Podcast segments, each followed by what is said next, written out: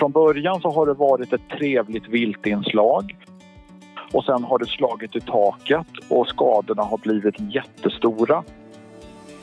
Jägarkåren, om jag, om jag generaliserar kraftigt, är inte mogen, har inte den hygieniska kompetensen. Välkommen till podden Landet som den här gången handlar om något så omdebatterat som vildsvin. Jag heter Malin Marko.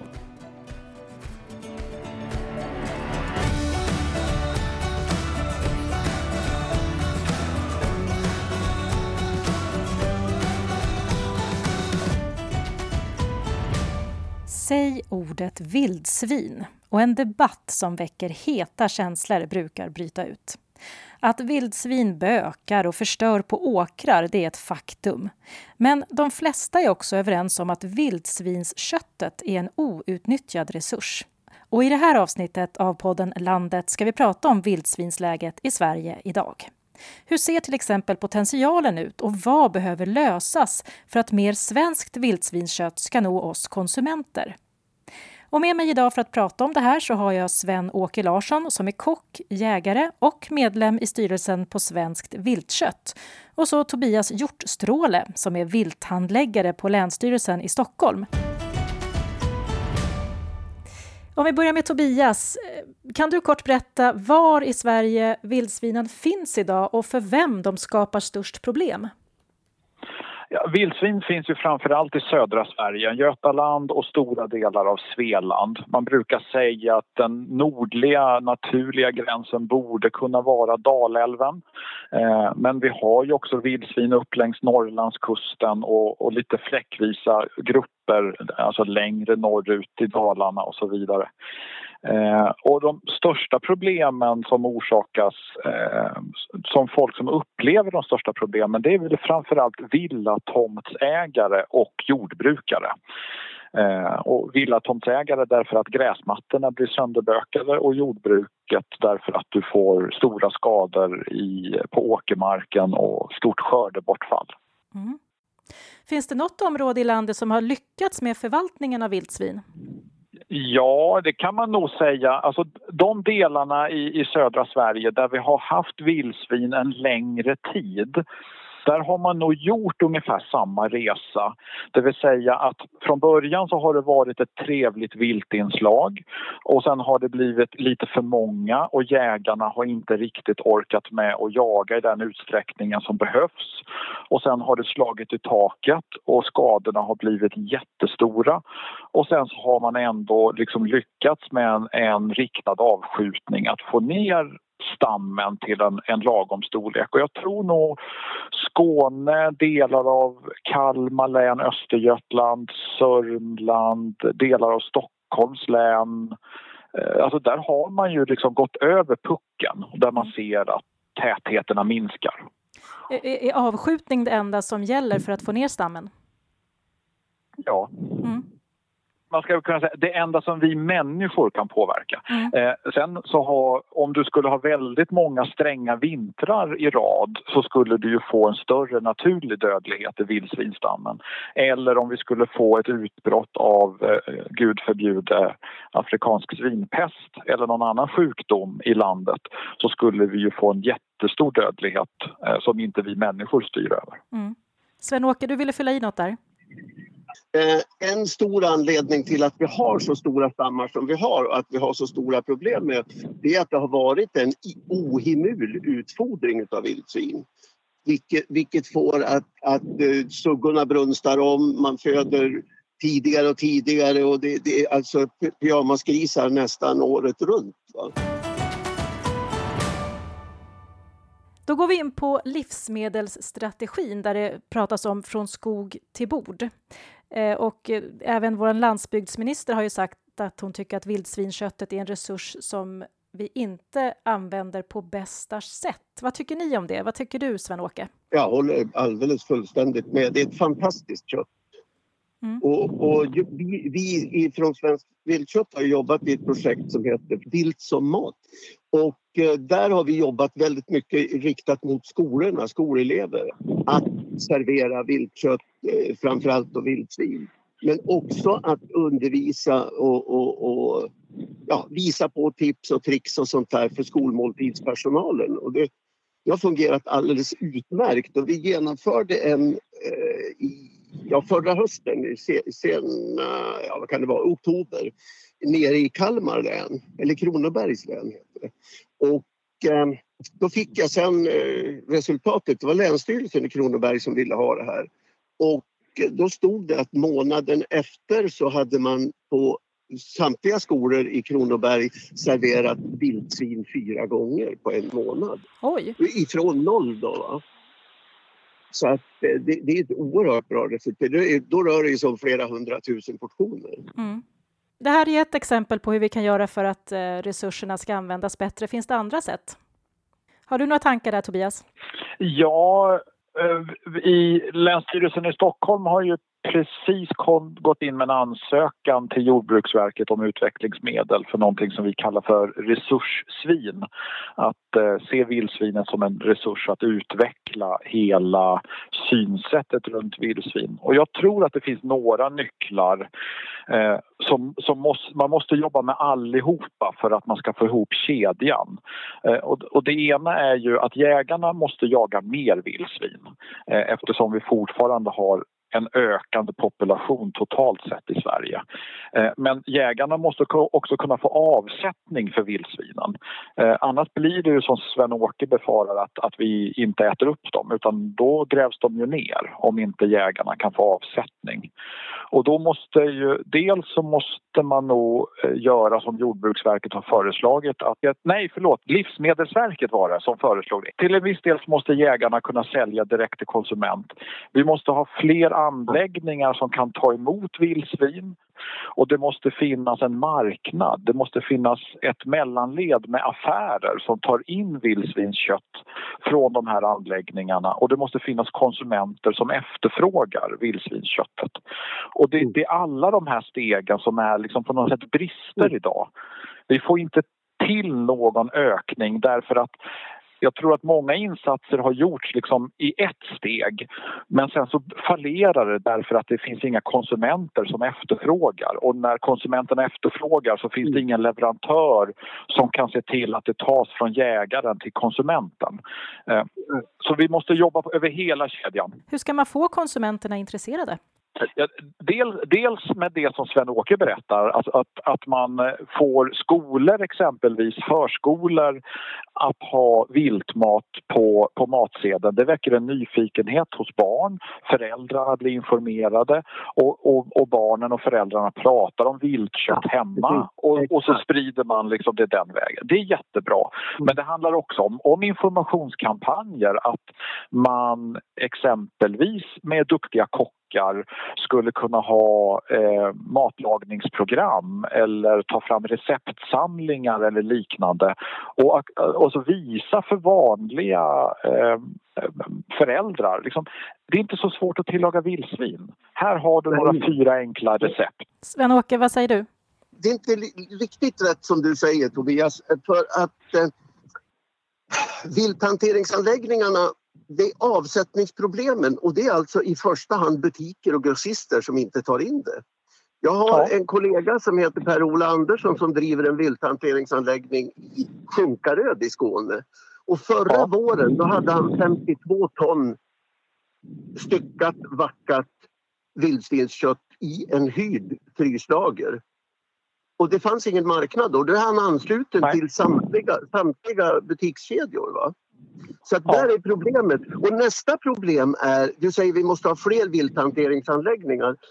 I Uppland så tror jag att det finns sex eller sju vilthanteringsanläggningar och ingen av dem tar emot vildsvin. Nej. Och det, och varför det är det jag inte? menar. Varför, ja, ja. varför mm. inte? Jo, därför att den svarta försäljningen är så stor. Va? Tittar ja. du på vildstammen, det skjuts 120 000 vildsvin per år i Sverige. Och 15 procent går rätt väg. Alltså till vilthanteringsanläggningarna, blir besiktade, kontrollerade, provtagna. Ja. Eh, säg, mellan tummen och pekfingret. Säg att 15 procent till hamnar i jägarnas frysar. Och då har du ja. 70 procent kvar som flyger omkring under radarn. Och ja. jag tror personligen efter att ha sett en del av hur det hanteras att eh, har man ätit det en gång så gör man det inte fler gånger. Va? Hur menar du då?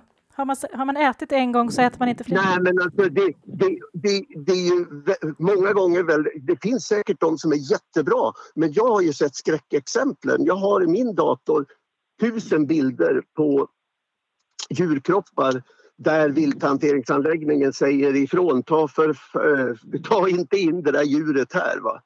För det blir kassaktion direkt och då kostar det dig 700. Alltså det är så dåligt hanterat från början. Och du kan inte göra bra mat av någonting som är felaktigt hanterat från början. Va? Nej. Nej. Kan, vi, kan vi backa lite nu och förklara för mig, vad är det som är felhanterat? Är det hur jägaren har tagit om, hand om djuret efter att den har skjutits eller? Ja. Vad är det man gör fel då? Ja. men... Bristande hygien. Mm. Tobias? Jo, nej men alltså det, det, är ju, det är ju det det handlar om att, att om, du, om, du skjut, om du skjuter vildsvin och sen ska få det där vildsvinsköttet att bli ett bra livsmedel mm. så är det ju jätteviktigt hur du hanterar den här slaktkroppen hela mm. vägen till den ligger vakuumförpackad i frysen. Ja. Eh, och, och, och, och, om du inte gör det så blir det som Sven-Åke säger, då får du ett dåligt kött. Eh, och, och, det skulle ju aldrig en vilthanteringsanläggning liksom hantera. Eh, och det kan ju vara exempelvis att du har eh, att du har skador på mag och tarmpaketen. Eh, att du har spridit föroreningar inne i slaktkroppen som du inte har tagit rätt på på en gång med hjälp av ättika och urtvättning och annat. Mm. Eh, utan du har fått en kontaminering eh, och då har du förstört ett, en jättefin livsmedelsprodukt. Vildsvinet är ju precis som oss enkelmagade och ja. har en helt annan mag-tarmflora än vad övrigt klövvilt har. Men då låter det som att det behövs utbildning av jägarna också. Absolut, och det håller vi det, på med. Ja, och det var ju också en av de delarna i, i Livsmedelsverkets eh, förslag som kom här för ett tag sedan att för att du ska för att en jägare ska kunna få sälja kött direkt till privatperson så måste du ha genomgått en utbildning och du måste också registrera dig som eh, ehm, vill, alltså primärproducent som det heter. Att du producerar ett livsmedel. Eh, och det, det, systemet håller ju på att utredas nu, hur det ska se ut och hur det ska fungera. Och vi hoppas ju verkligen att, att det kan kicka ut här någon gång under kanske 2021. Mm. Men jag hoppas inte på det. Du hoppas inte på det? Nej, nej, nej. Vad tänker du då? Eh, jägarkåren, om jag, om jag generaliserar kraftigt, är inte mogen, har inte de hygieniska, den hygieniska kompetensen för att handha det på ett bra sätt. Och jag menar, i, i, dessa dagar nu med corona och covid och allt vad det nu heter. Va? Alla vet vi var det kommer ifrån. Va? Det kommer från dåligt hanterade livsmedel, företrädesvis vilda, i Kina. Och ska vi då släppa det här fritt på vem som helst. För i princip så den sämsta jägaren man har varit och jagat med, även han får ju rätt att sälja det här. Och jag skulle aldrig köpa det och vi trycker väldigt hårt från Svenskt Viltkött på att eh, garanten för att du får ett bra kött det är ju den ovala stämpeln som finns. Det, att det är besiktat av en veterinär. För du kan aldrig, en veterinär, jag vet inte om de har sex eller sju års utbildning, men gå runt det och låta en jägare som har på sin höjd kanske tre dagars utbildning för att få jaktlicens. Men vad tycker du man behöver göra då? Nej, jag tycker att man ska istället... Jag hade ett, Eh, eller vi hade ett förslag som vi kallade för vildsvinspremie. Och det var att under den här pucken som vi befinner oss i nu eh, betala jägaren 500 kronor när han kommer med ett vildsvin som man kan ta in i anläggningen. Va? Han får 500 kronor i handen och så sen så slaktas vildsvinet upp. Det styckas, det förpackas, alltså vakuumförpackas och så sen går det som återtag. Alltså att jägaren får tillbaka det köttet. Och för det får han betala 700 kronor men de facto så är det bara 200 kronor det kostar. Mm. Och det köttet är då besiktat, det är godkänt, det, eh, precis samma kvalitet som det du köper på, på en butik under förutsättning att det blir obruten kylkedja från vilthanteringsanläggningen och till försäljningen. Men enligt eh, riksjaktvårdskonsulent Daniel Ligné så kommer vi behöva skjuta mellan 200 000 och 300 000 vildsvin om året. Du sa att i nuläget skjuts det 120 000. Eh, finns det de som inte är intresserade av att det ska finnas en konsumentefterfrågan på vildsvinskött? Nej. Nej, det finns det ju inte. Men jag vill mena att det hänger ihop. Va? Alltså dåligt hanterat viltkött som kommer ut på en jag säger inte svart, för jag menar inte svart att man betalar svart och sånt där. Va? Men kommer ut på en marknad eh, och går under radarn så är det ju djuret som får skulden. Va? Mm. Och desto fler dåligt skjutna, dåligt hanterade vildsvin som kommer ut på marknaden, desto fler människor de äter det en gång och sen, sen skyller de på djuret och det är ju inte djurets fel att det har blivit miserabelt hanterat. Mm. Så om jag hör er rätt eh, så ser ni att det måste finnas, eh, att, att konsumenterna ska få en bättre upplevelse av att äta vildsvinskött och att jägarna måste ha också vara tryggare i hur de hanterar ljud, djuren och eh, få den här kedjan så att det blir tryggt hela vägen?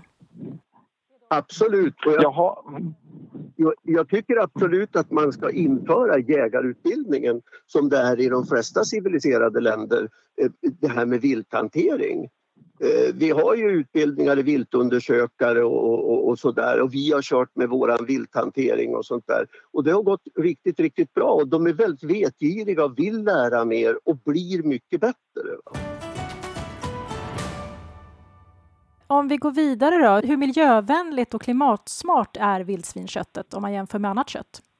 Ja, det är ju bland det bästa köttet du kan tänka dig, viltköttet. Ett, ett vilt som är skjutet i vilt tillstånd har ju en jätteliten klimatpåverkan.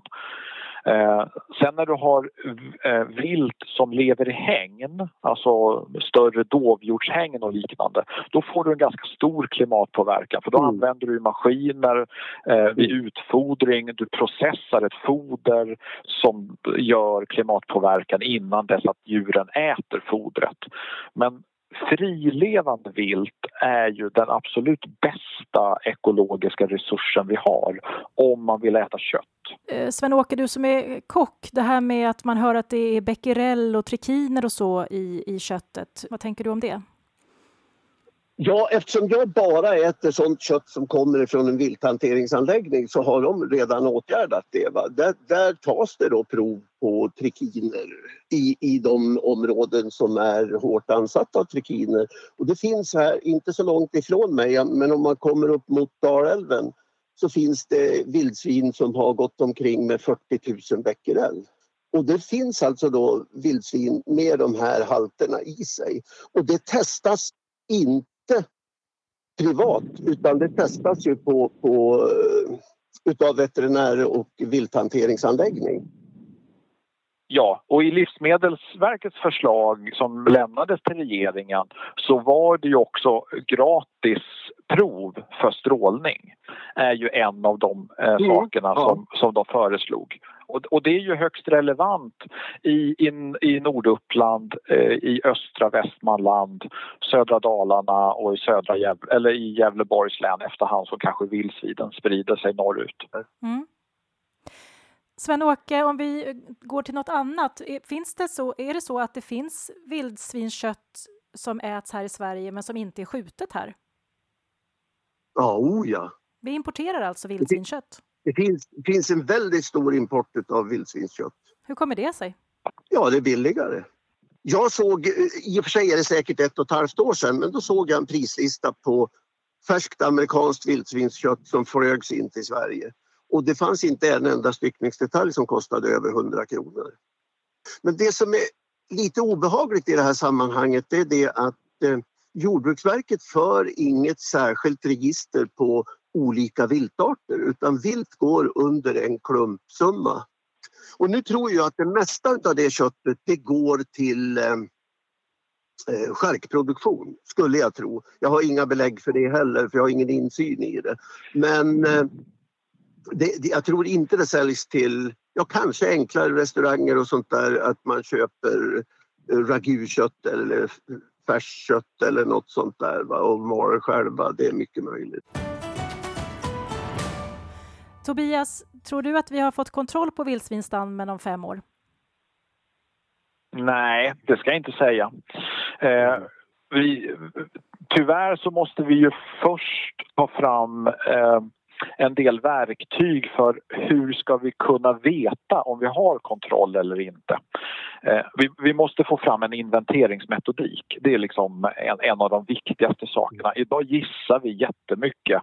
Vi mm. gissar hur många vildsvin vi har, vi gissar hur många vildsvin som skjuts. Eh, vi gissar vad vi har för reproduktion på vildsvin. Eh, vi vet att en, en sugga grisar i genomsnitt, jag tror det är 5,54. Vi behöver hitta framförallt inventeringsmetodiken. Hur ska vi kunna räkna vildsvin? Eh, och det håller ju Naturvårdsverket på att ta fram. Eh, så innan dess så kan vi nog aldrig påstå att vi har kontroll. Sen så kanske vi eh, ökar avskjutningen allt mer så att vi på något sätt till slut tycker oss se att inte vildsvinspopulationen ökar längre. Men, men det blir ju lite mer gissningar. I den här familjen som jag bor i, där har vi väldigt delade uppfattningar om vildsvinskött och jag har varit med om att både i julas så hade vi en jättegod julskinka som var eh, från vildsvin. Men vi har också ätit, eh, ja det som du var inne på eh, Sven-Åke tidigare, att man vill inte äta det igen för det kändes som att off, vad var det här för kött? Så, nu skulle jag vilja ha era bästa tips på hur man tillagar vildsvinskött. Sven-Åke, du får börja. Har man barn och sånt där, då är färs i alla former och man behöver inte tillaga det på något annat sätt än man gör med en blandfärs eller en nötfärs eller en fläskfärs. Utan byt ut den färsen mot vildsvinsfärs. Mm.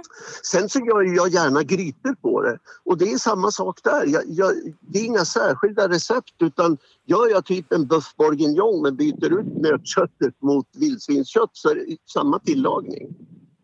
Smart. Tobias då?